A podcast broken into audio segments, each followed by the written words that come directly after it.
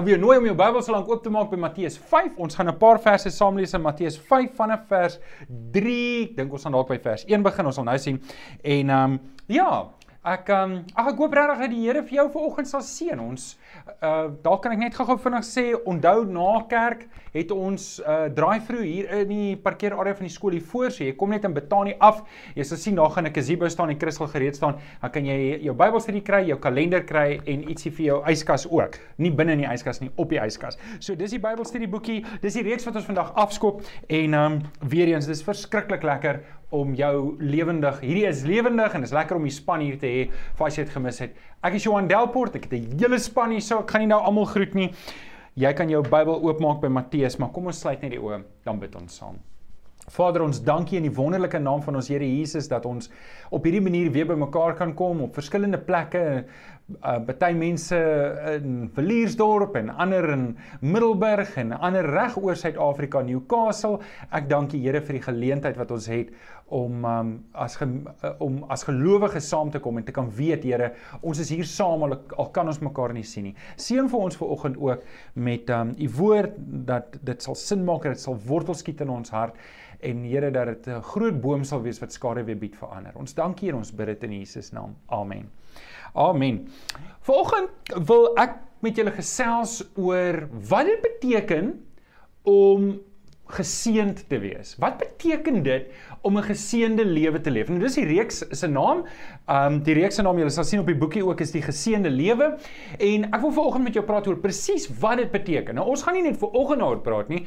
Ek en Rian en Domie Chris, ons het die reeks mooi uitgesit. Ons gaan vir die volgende 9 weke gaan ons dit heeltemal uitpak. Nie wat ons of wat mense sê 'n geseënde lewe is nie, maar wat Jesus self gesê het is 'n geseënde lewe. En En as ek miskien net ietsie kan verduidelik van Abraham se lewe, hoe God vir Abraham geseën het sodat ander geseën kan wees, dan wil ek nou al die verwagting in jou hart plant dat jou seëning is nie iets wat vir jouself bly nie. Dink aan die dooie see. Die dooie see se seespieël is onder die van die gewone see rondom. En dit beteken hy het geen natuurlike uitloop nie. So die enigste manier hoe die water kan uitkom daar is wanneer dit verdam. En al die soutte en minerale wat gewoonlik goed is vir die water, bly agter agter en dit maak dat daar reg rondom die dooie see 'n rand is waar daar niks is nie. Lyk soos 'n woestyn, dis dood, dis morsdood, want niks kan daar groei nie. Daar kan nie visse in die water wees nie, want ons net te veel minerale. En net so is dit in ons lewens. Wanneer ek die woord van die Here bly inneem, maar ek gee dit nooit uit nie, wanneer ek die woord van die Here bly vat, maar ek het nie 'n plek waar ek dit uitlaat na die wêreld, na die mense om my nie, dan gaan ek geestelik dood. Ek alhoewel ek dink aan die gemeente in Efese en Openbaring 3. Hulle het al die wonderlike goed gehad, maar hulle was geestelik dood. Hulle het hulle eerste liefde verloor. En en dieselfde die beginsel tel met die Here se seën. Wanneer die Here jou seën, is jy nooit die eindbestemming nie.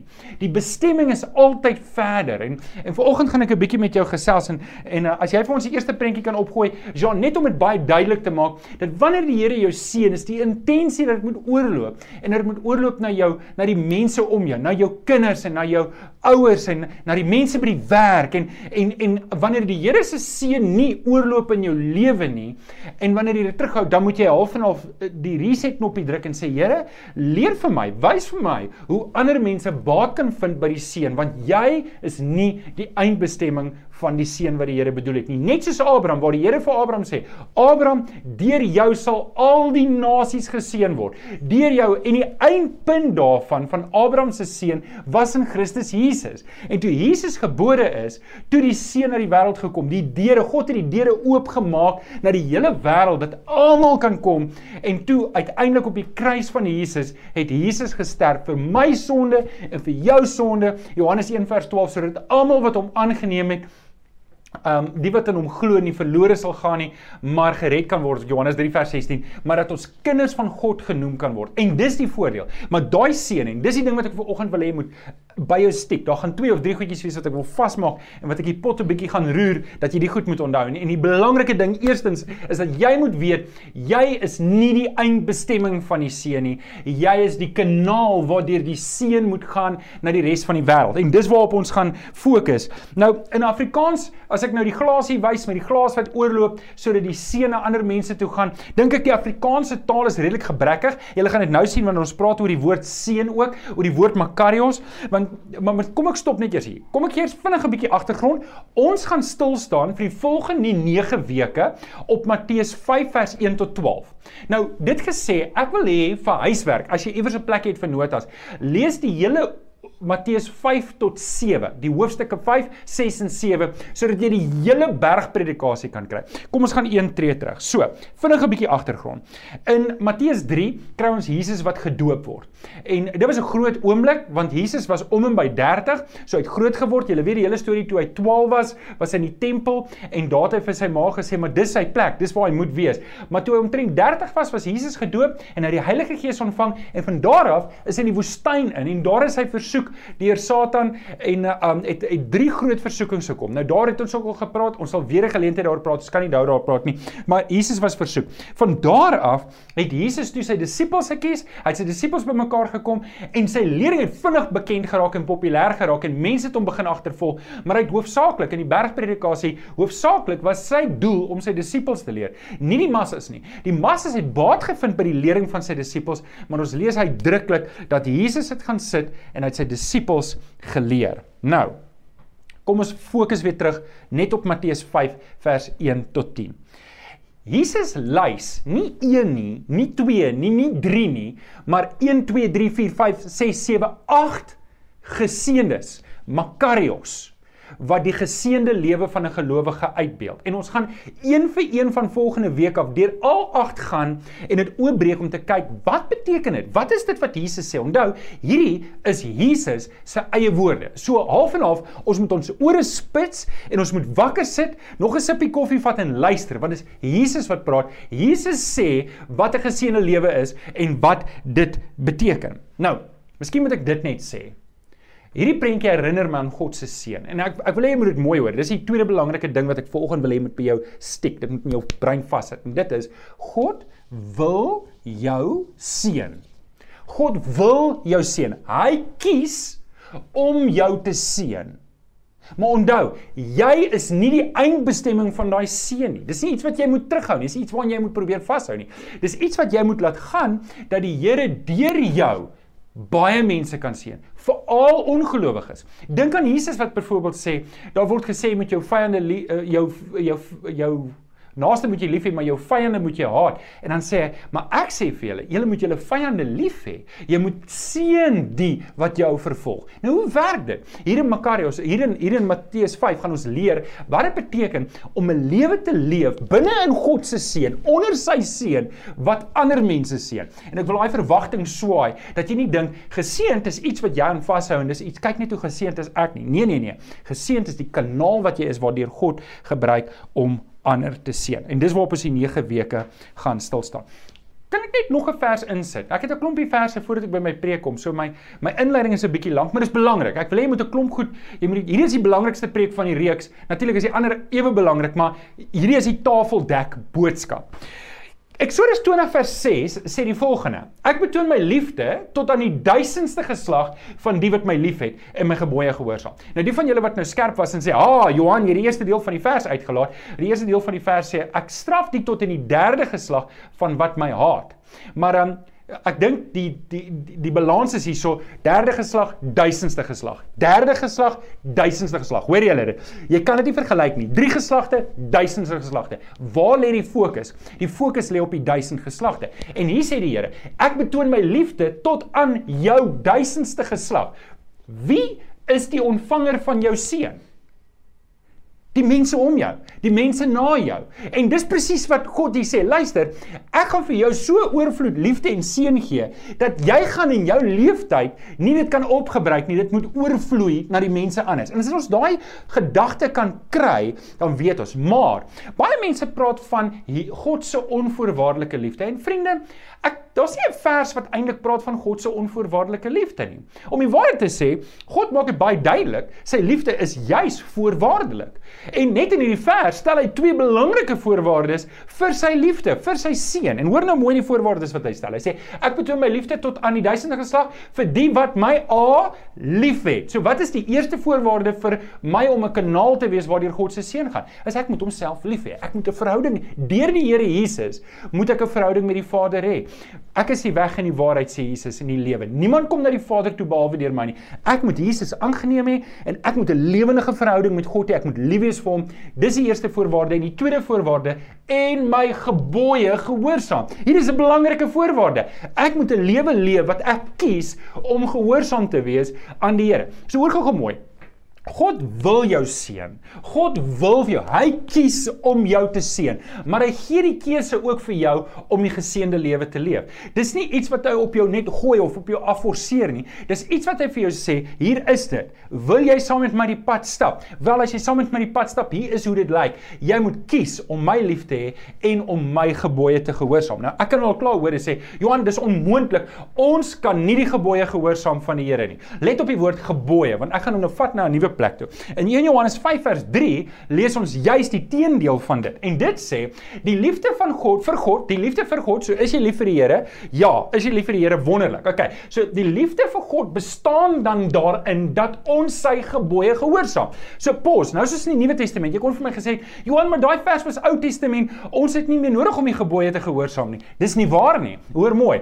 Die liefde vir God bestaan dan daarin dat ons sy gebooie gehoorsaam en dan sê dit sy gebooie is ook nie moeilik om te gehoorsaam nie. Soos wat? Dis nie moeilik om te gehoorsaam nie. Dis Johannes wat dit sê. Johannes was 'n disipel van Jesus. Hy het naby aan Jesus gestap. Wat bedoel hy? sien, hier is 'n geheim wat ek en jy weet, maar wat min mense verstaan en uitleef. En dit is wanneer ek en jy Jesus Christus aanneem as verlosser en saligmaker, dan verander God my geestelike DNS. En wanneer God my geestelike DNS verander, dan kom daar 'n nuwe begeerte in my hart. sien, toe ek my vorige lewe, die ou Johan, het gehou van sonde, want sonde is so lekker. En hy wil net meer sonde doen en net meer sonde. Maar die dag toe ek Jesus Christus aanneem, het God die Heilige Gees in my gesit en het my wedergeboorte geestelike gegee. Hy het my 'n nuwe geestelike DNS gegee. So met ander woorde, die goed hier binne in my werk nou anders. Die gees eh, sit 'n nuwe begeerte in my. Natuurlik, die vlees wil nog 'n bietjie sonde doen, maar die gees staan nou sterker in my. En nou moet ek 'n besluit neem. Watter een gaan ek volg? Hoe meer ek die Heilige Gees volg, hoe meer doen ek afstand van die sonde. En dis hoekom Paulus sê julle moet die sondigheid sondigheid in julle laat doodmaak sodat die die vlees nie die oorhand kry nie, die gees moet die oorhand kry. En wanneer ek die gees volg, dis nie my eie krag nie, dis deur die krag krag wat die Heilige Gees in my sit, kan ek gehoorsaam wees aan al God se gebooie. En dit word opgevang in twee gebooie. Jy moet die jy moet die Here jou God lief hê met jou hele hart, met jou hele siel en al jou krag en met jou naaste lief hê soos jouself. Daarin is al die profete en al die wette van die Ou Testament saamgevat. Nou, dit is die geseënde lewe. En dit is waarop ons hierdie volgende 8 weke gaan fokus. Hoe gaan ek en jy dit regkry om 'n geseënde lewe te leef? So, Miskien voor ek ons hoofteks lees, kom ons lees net nog Deuteronomium 13 vers 19, net om die punt te maak hierso. Deuteronomium 30 vers 19 sê: "Kies die lewe." Dis die Here wat met Moses gepraat het en Moses praat met die volk nadat hulle die tweede keer die wet gekry het. En en die Here praat hard met hulle en sê: "Kies die lewe sodat jy en jou nageslag kan lewe." Weereens God se seën is nie net vir my nie.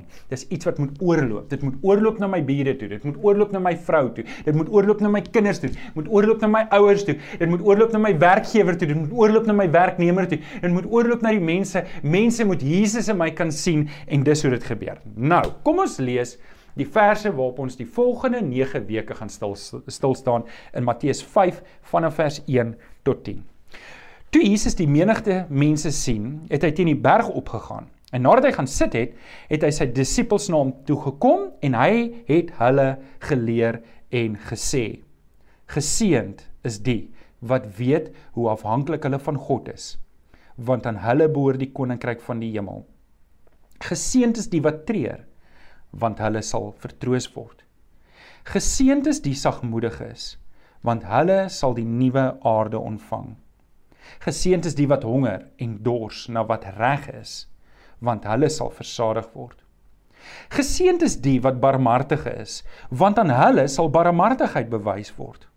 Geseënd is die wat rein van hart is, want hulle sal God sien. Geseënd is die vredemakers, want hulle sal kinders van God genoem word. Geseënd is die wat vervolg word omdat hulle doen wat reg is, want aan hulle behoort die koninkryk van die hemel. Nou in hierdie gedeelte kry ons nie minder as 11 keer die woord makarios nie. So hierdie is 'n nuwe Griekse woord waarna ons gaan kyk en die woord makarios is wat in ons hierdie vertaling vertaal is as geseënd, maar hierdie woord is 'n bietjie, ek wil nie sê 'n kontroversiële woord nie, maar hy word baie keer vertel in verskillend vertaal in verskillende vertalings. En, en ek gaan probeer om vir julle te sê hoekom. So die van julle wat die 33 53 vertaling het, sal sien die woord salig word gebruik. In die ou dae het ons verwys na hierdie gedeelte van die bergpredikasie as die saligsprekinge. En ehm um, nou jy moet jouself nou in hulle skoene sit. Hoekom sal hulle die woord salig gebruik en wat beteken die woord salig? Salig kom van die van van die oorspronklike woord saligheid wat beteken om gered te wees. En die ou vertalers het in 1913 tot 1919, dis hoe oud die 1933 vertaling is, toe hulle begin vertaal en hulle het half en half gesê, luister, hierdie is die agt merkers van hoe geredde lewe, geredde persoonlik. Iemand wat gered is deur die Here Jesus, hier is die agt merkers wat jy gaan kyk gaan in hulle lewe wees. En hulle het gegaan vir die woord salig om te sê salig is die die gereddes lyk like so. OK. Toe ehm um, voor ons by die 83 vertaling kom, die nuwe lewende vertaling in die boodskap het 'n ander woord gevat. Hulle het die woord gelukkig gevat. Nou as ek net vir julle sê ek is nou nie gelukkig met daai woord nie, want gelukkig klink so half en half weet ek was maar gelukkig. Iets het gebeur en toe ek gelukkig. Maar ek dink die rede hoekom hulle besluit het om die woord gelukkig te gebruik, as jy kyk ook na die Grieks van Makarios, dan kan dit ook na iemand wat vergenoegd is, iemand wat tevrede is, iemand wat gelukkig is. Nie nie gelukkig is soos ek het 'n prys gewen nie, maar gelukkig in my hart is daar tevredenheid, daar's daar's daar's vreugde en daar's rustigheid en daar's eh, vrede en alles wat daarmee saamgaan. So die nuwe vertalings het besluit om met daai woord te gaan. Alhoewel ek dink die nuwe vertaling in die 1983 vertaling het dit die heel beste vertaal en ek gaan nou verduidelik hoekom. So die woord geseënd hier word in die passiewe vorm gebruik. Jy sien geseënd, geseënd, geseënd. En daar word nêrens gesê wie die seën werk doen nie. Maar wat ek en jy moet onthou en ek het al daarna verwys, in Matteus, Matteus skryf eintlik maar vir Jode. Hy skryf vir die Joodse Christene en wat hy gebruik is en Matteus gebruik dit omtrent die heeltyd. Um Lukas nie so baie nie, maar maar Matteus gebruik dit baie. Hy gebruik wat hulle noem 'n goddelike passief. Onthou, die Jode het nie daarvan gehou om die Here se naam te gebruik nie. Ons het al oor gepraat. Hulle het die vokale uit Jahwe uitgehaal en dan het jy nou net JHWH gekry. So jy kon dit nie eintlik uitspreek nie. Jehu. Verstaan jy? Kan dit nie uitspreek nie. En en en so hulle het probeer om God se naam nie te gebruik onnodig nie um, omdat uh, jy mag nie die Here se naam eintlik gebruik nie. So wat Matteus doen, omdat hy vir Jode skryf, probeer hy God se naam vir my en hoe hulle dit gedoen het in die spreektaal, is jy gebruik die passiewe. Soos klop en daar sal vir jou oopgemaak word. Wie klop? Ek en jy klop.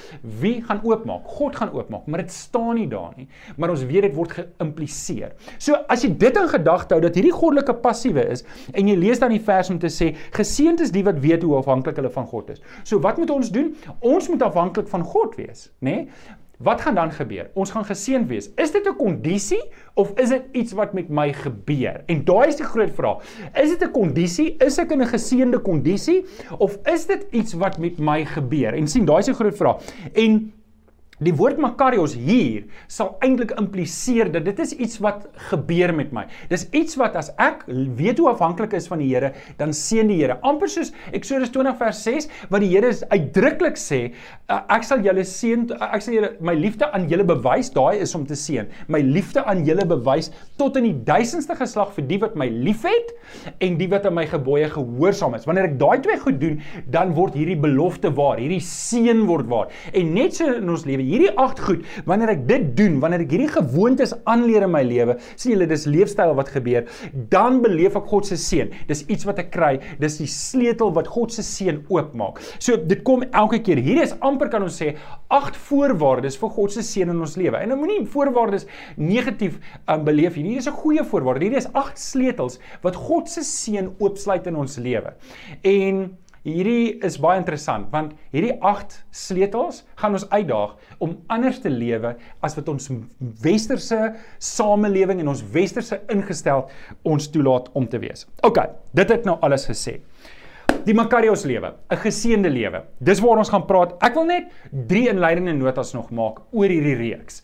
En ek wil dit prakties maak vir jou. Ek wil hê jy moet uitgedaag wees en jou hart voorberei vir die res van die reeks, want ek dink hierdie gaan 'n goeie reeks wees. Weereens as ek net gou-gou 'n 'n 'n advertensiebreek kan vat, ek wil graag hê jy moet inskakel by 'n groepie. Ek wil graag hê en as jy nie 'n groepie het nie, daar's daar's 'n paar mense wat sommer net mense oorgenooi het na luister. Sê, hoorie, ons gaan een keer in 'n week of een keer in 2 weke gaan ons bymekaar kan om ons gaan die reeks doen. Doen dit saam mee. Dis altyd beter. Al is dit net een ander paartjie wat jy oornooi na jou huis toe. Moenie ses paartjies nooi nie. Nooi net een paartjie oor na jou huis toe en doen die reeks saam. Paar opsommende notas. Nommer 1. Wil jy 'n geseënde lewe leef? Begin hier. Volg Jesus. Matteus 8 vers 34 sê Jesus: As iemand agter my aan wil kom, moet hy homself verloën en sy kruis opneem en my volg. So weer eens, Jesus sê dit baie duidelik. As as iemand agter my wil aankom, is daar 'n baie definitiewe voorwaarde. Ek en jy moet iets doen. Ek en jy moet 'n keuse maak om Jesus te volg. So, soos wat ons gesê het, ek en jy moet ons kruis opneem en Jesus volg. Eksodus 20 vers 6, ek moet God lief hê en sy gebooie gehoorsaam. Matteus 10 vers 38 gaan verder en dit sê hy wat nie sy kruis opneem en my volg nie is nie werd om agter my aan te kom nie. So ons het dit baie vir mekaar. Die Here vra nie baie nie, die Here vra Nee, kom ons probeer dit weer. Die Here vra nie baie nie, die Here vra alles. Okay, so ek hoop jy het dit by die huis saam gesê. Die Here vra nie baie nie. Hy vra absoluut alles. En dis wat die vers impliseer. As jy as jy nie jou kruis opneem nie, is jy nie werd om agter my aan te kom nie. So die Here vra regtig alles. Nou, luister, as jy net broodkrummels gee, dan gaan die Here dit aan die begin vat. Maar iewers op 'n stadium moet ek en jy vir mekaar sê om te sê, ek is in pens en potjies. Ek hou niks meer terug vir die Here nie. Die Here het alles van my. Hy het nie hy het nie 'n beheerende aandeel in my lewe nie. Hy het al die aandele in my lewe. Alles is oorgegee aan hom. OK, so dis die eerste op uh, inleidende opmerk. Die tweede ene is wil jy 'n geseënde lewe leef, leef met 'n nuwe perspektief. Adrian Rogers het gesê wisdom is looking at life from God's point of view. En ek dink dis absoluut die waarheid. Wanneer ek Jesus kies, wanneer ek Jesus aanneem, dan stap ek die pad van liefde.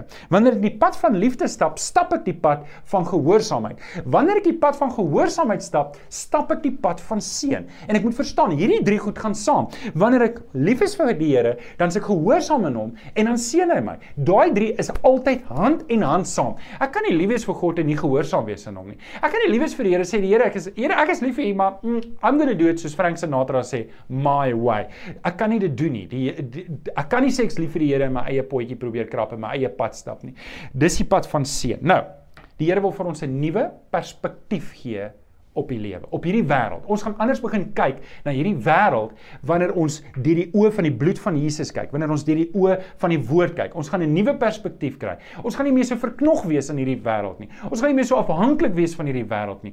Ons gaan skielik verander en ons gaan skielik 'n seën kan wees vir hierdie mense. Ons glas as te ware gaan oorloop en die Here gaan deur my en deur jou ander mense kan seën. En ek hoop daar's 'n opgewondenheid in jou hart om te sê, Here, ek wil nie die dooie see wees nie. Ek wil nie vashou aan u seëning nie. Ek wil hê dit moet deur my vloei. Ek wil hê ek moet net ek is die hande en die voete van Jesus op hierdie aarde.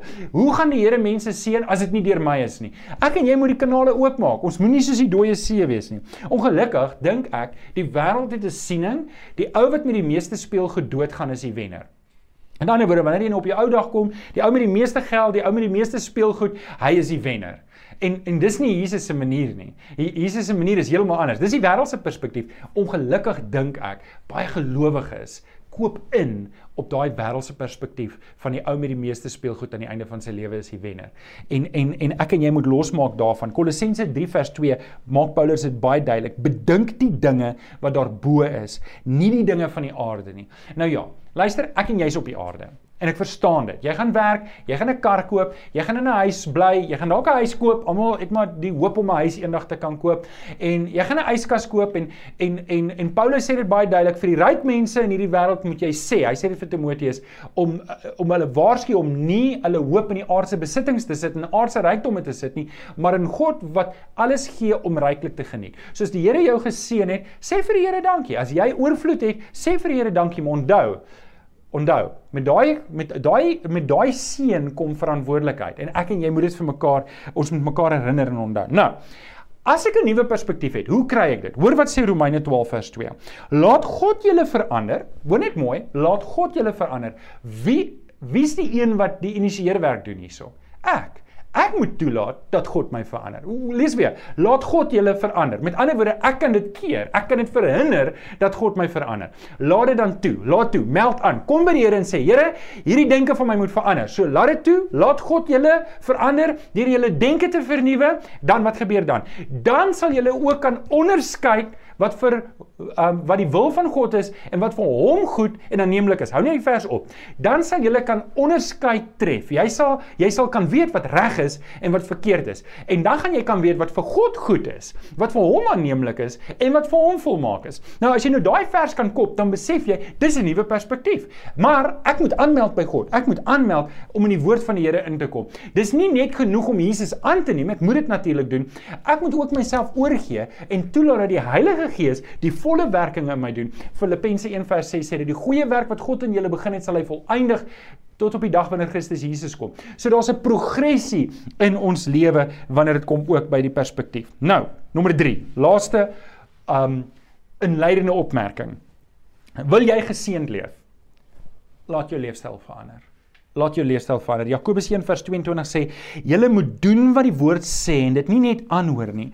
Anderste bedrieg julle julle self." Wat vir my wonderlik is van die bergpredikasie, die hele bergpredikasie. Onthou, die hele bergpredikasie is van hoofstuk 5 tot hoofstuk 7. Maar ek wil jou mooi vra, wil jy nie in hierdie tyd die hele Matteus deurlees nie? Die hele Matteus, want jy gaan God se hart kry. En jy kan hele Lukas ook deurlees. En as jy nog tyd het, lees hom in Markus en Johannes ook deur. Maar ten minste die hele die hele Matteus. Maar omdat ons net op hierdie 10 verse of 12 verse gaan stil staan, wil ek ten minste sê jy moet hoofstuk 5 tot 7 gaan deel. Dit gaan jou op die meeste 20 minute vat en jy gaan 'n goeie idee waar dit gaan.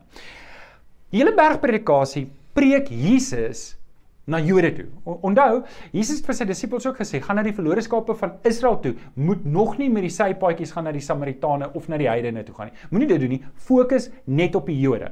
Ons gaan net fokus op hierdie. So Jesus sit hier met die bergpredikasie. Hy preek vir sy disippels, maar die maar 'n groot klomp Jode, 'n groot klomp Israeliete luister daarso. En wat leer Jesus hulle? Jesus leer vir hulle die interpretasie van die Ou Testament. Nou Hoekom dit belangrik is, want die Fariseërs het dit ook gedoen, maar die Fariseërs het dit vir eie gewin gedoen. Die Fariseërs het die volk geleer van allerlei nuwe wette, allerlei bywette. Hulle het hulle het God se wet geïnterpreteer en dat hulle gesê om hierdie wet beter te verstaan, moet jy hierdie vyf wette ook gehoorsaam. So hulle het 'n klomp bywette gemaak. Maar wat die verskriklike ding was vir die, in die oë van die Here is, hulle het vir hulle self skuiwergate gemaak waarna hulle kon wegkom. So hulle het nie self gebly by die wette nie. Hulle het hulle wette gemaak wat die volk moes gehoorsaam, maar onthou die volk was ook maar hoofsaaklik ongeleerd en ongeletterd en ongeskoold. So, hulle het nie hulle het regtig net eenvoudig die oor hierdie mense geloop en hulle misbruik. En dit het Jesus gewroeg. Hierdie Fariseërs en die Sadduseërs en die skrifgeleerdes het Jesus gewroeg en dis hoekom hulle nie oorwegkom kom nie. En hierdie hele bergpredikasie was amper die waterskeidings vir gewees tussen die Fariseërs, die skrifgeleerdes en die Sadduseërs en Jesus wat Jesus vir hulle die korrekte interpretasie van die Ou Testament gegee het. Wat Jesus gesê het, julle het gehoor, daar's gesê jy moet moet jou naaste lief hê en jou vyand moet jy haat. Maar ek sê vir julle, is hoor julle, dan stel Jesus al hierdie goeders reg en die Fariseërs kon dit nie verdra nie. Maar die einddoel van dit alles is, Jesus leer vir hulle om lief te wees vir God moet jy oorgaan in aksie. Jou leefstyl moet dit wys. Julle is die lig, julle is die sout. Hier sou jy lewe en hierdie hierdie 8 volgende 8 9 weke gaan ons kyk na die sleutels wat ek in my lewe moet insit. Natuurlik die heel eerste ding is jy moet Jesus Christus aangeneem het as verlosser en saligmaker. Maar dan is daar hierdie 8 sleutels wat die Here se seën oopsluit in my lewe. Nie vir my eie gewin nie, maar dat ek 'n kanaal kan wees waardeur die Here ander mense seën. En dis wat jy gaan leer in hierdie volgende 8 weke. Jy gaan leer hoe om 'n kanaal van God se seën te word, maar jy moet verstaan, dit gaan behels dat jy eerstens Jesus gaan moet volg. Jy gaan 'n um, nuwe perspektief moet kry op hierdie wêreld en jou hele leefstyl gaan moet verander in hierdie proses. Nou, hiermee gaan ek afsluit. Ek wil afsluit met um met um prentjie nommer 7. En en hier is 'n belangrike gedagte. My lewe moet gesinkroniseer word met God se plan. Met ander woorde, ek wil jou uitdaag om jou eie agenda op die kantlyn te sit en te sê, Here, wat is u agenda vir my lewe? Ek wil my lewe sinkroniseer, want dan is dit soos daai glas wat oorloop. Dan as ek want onthou dis wat die Here wil doen. Die Here se agenda is om jou buurman te red, is om jou kind te red, is om jou ma of pa te red, is om die mense om jou te red. En en om dit reg te kry, moet die Here my kan seën sodat dit kan oorloop sodat ander mense Jesus in my kan sien. Kom ek kom ek lees 'n laaste vers in Matteus 8 vers 34 en hierdie is my uitdaging waarmee ons waarmee waarmee ek jou huis toe stuur. As iemand agter my wil aankom, moet hy homself verloon. Hy moet homself verloon, sy kruis opneem en my volg. sien vriende, hierdie is die uitdaging wat ons van Jesus kry en dit is ek moet my kruis opneem en agter Jesus aanstap. Dis die finale uitdaging. Ek ek, ek wil hiermee afsluit. Ek wil hiermee afsluit. Sien ons gaan die Bybelstudie Woensdag aand aanlyn hê want ek weet 'n klomp mense kan nog nie bymekaar kom nie. Ons gaan dit doen. Ons gaan aangaan met hierdie reeks. Ek wil jou uitdaag om iewers in 'n klein groepie in te skakel. Ek wil jou uitdaag om Matteus 5 tot 7 of die hele Matteus deur te lees. Ek wil jou uitdaag om om hierdie studie in 'n groep te doen dat 'n mens kan verantwoordelik wees. Maar ek wil die finale ding uitdaag en dit is as jy hier sit en jy het nog nie Jesus Christus aangeneem as jou verlosser nie, dan moet jy dit nou doen. Dit dis dis dis die eerste tree in die koninkryk van die Here en is om jou hart oop te maak en te sê Here, ek is 'n verlore sondaar. Ek het Jesus nodig in my lewe. Weet jy wat, as jy al het jy groot geword in 'n Christelike huis, dit maak jou nie 'n kind van die Here nie. Die Here het nie kleinkinders of stiefkinders nie. Hy het of regte egte wedergebore kinders of jy's nie sy kind nie. En ek wil by jou kom aandring um vir oggend om jou hart oop te maak om die Here Jesus aan te neem en en 'n oorgawe te maak en jy doen dit deur om op jou knieë te gaan en te sê Here, ek is 'n volslaas sondaar. Ek is so jammer. Ek ek het regtig spyt en berou vir hierdie stikkende lewe wat ek geleef het. Ek kom bring alles. Ek kom bring my sonde, ek kom bring my seer, ek kom bring my skande, ek kom bring my skaamte, ek kom bring my oorwinnings, ek kom bring my my my um die goed wat ek reg gekry het in die lewe en ek kom sit dit alles voor u voete en ek kom pleit by u. Kom maak my u kind. Ek neem Jesus aan as my verlosser en ek wil van hier af net vir u lewe. Ek daag jou uit om daai gebed eerlik te bid uit jou hart uit met jou woorde en jy sal sien, hier is die eerste stap in die koninkryk van die Here in sodat jy die geseënde lewe kan leef. Baie dankie. Kom ons sluit die oë, dan bid ons saam. Vader, Ek dankie. Ek dankie vir elkeen wat ver oggend ingeskakel het. Ek dankie Here dat ek weet daar's huisgesinne en en daar's daar's uh, mamas en pappas en kinders, daar's dalk oumas en oupas. Here, daar's dalk vriende wat saam sit. Maar Here, hierdie is eintlik die groot in die beginpunt dat dat almal op 'n plek gekom het wat hulle Jesus Christus aangeneem het en by die kruis gestaan het en gesê het ek wil my kruis opneem en Jesus volg. En ek kom vra deur die Heilige Gees kom doen u die oortuigwerk dat ons daardie eerste tree sal gee. Maar Here as gemeente ook, maak nie saak waar ons is nie of dit in Middelburg is, Here, en of dit in Sasolburg is of dit in Sekunda is, in KwaZulu-Natal of hier in die Kaap, Here, dat ons um hierdie lewe sal leef wat u seën dat ons hierdie agt sleutels sal verstaan en dat ons as te ware 'n kanaal sal wees waardeur u ander mense seën. Ons dankie en ons bid dit in Jesus naam. Amen.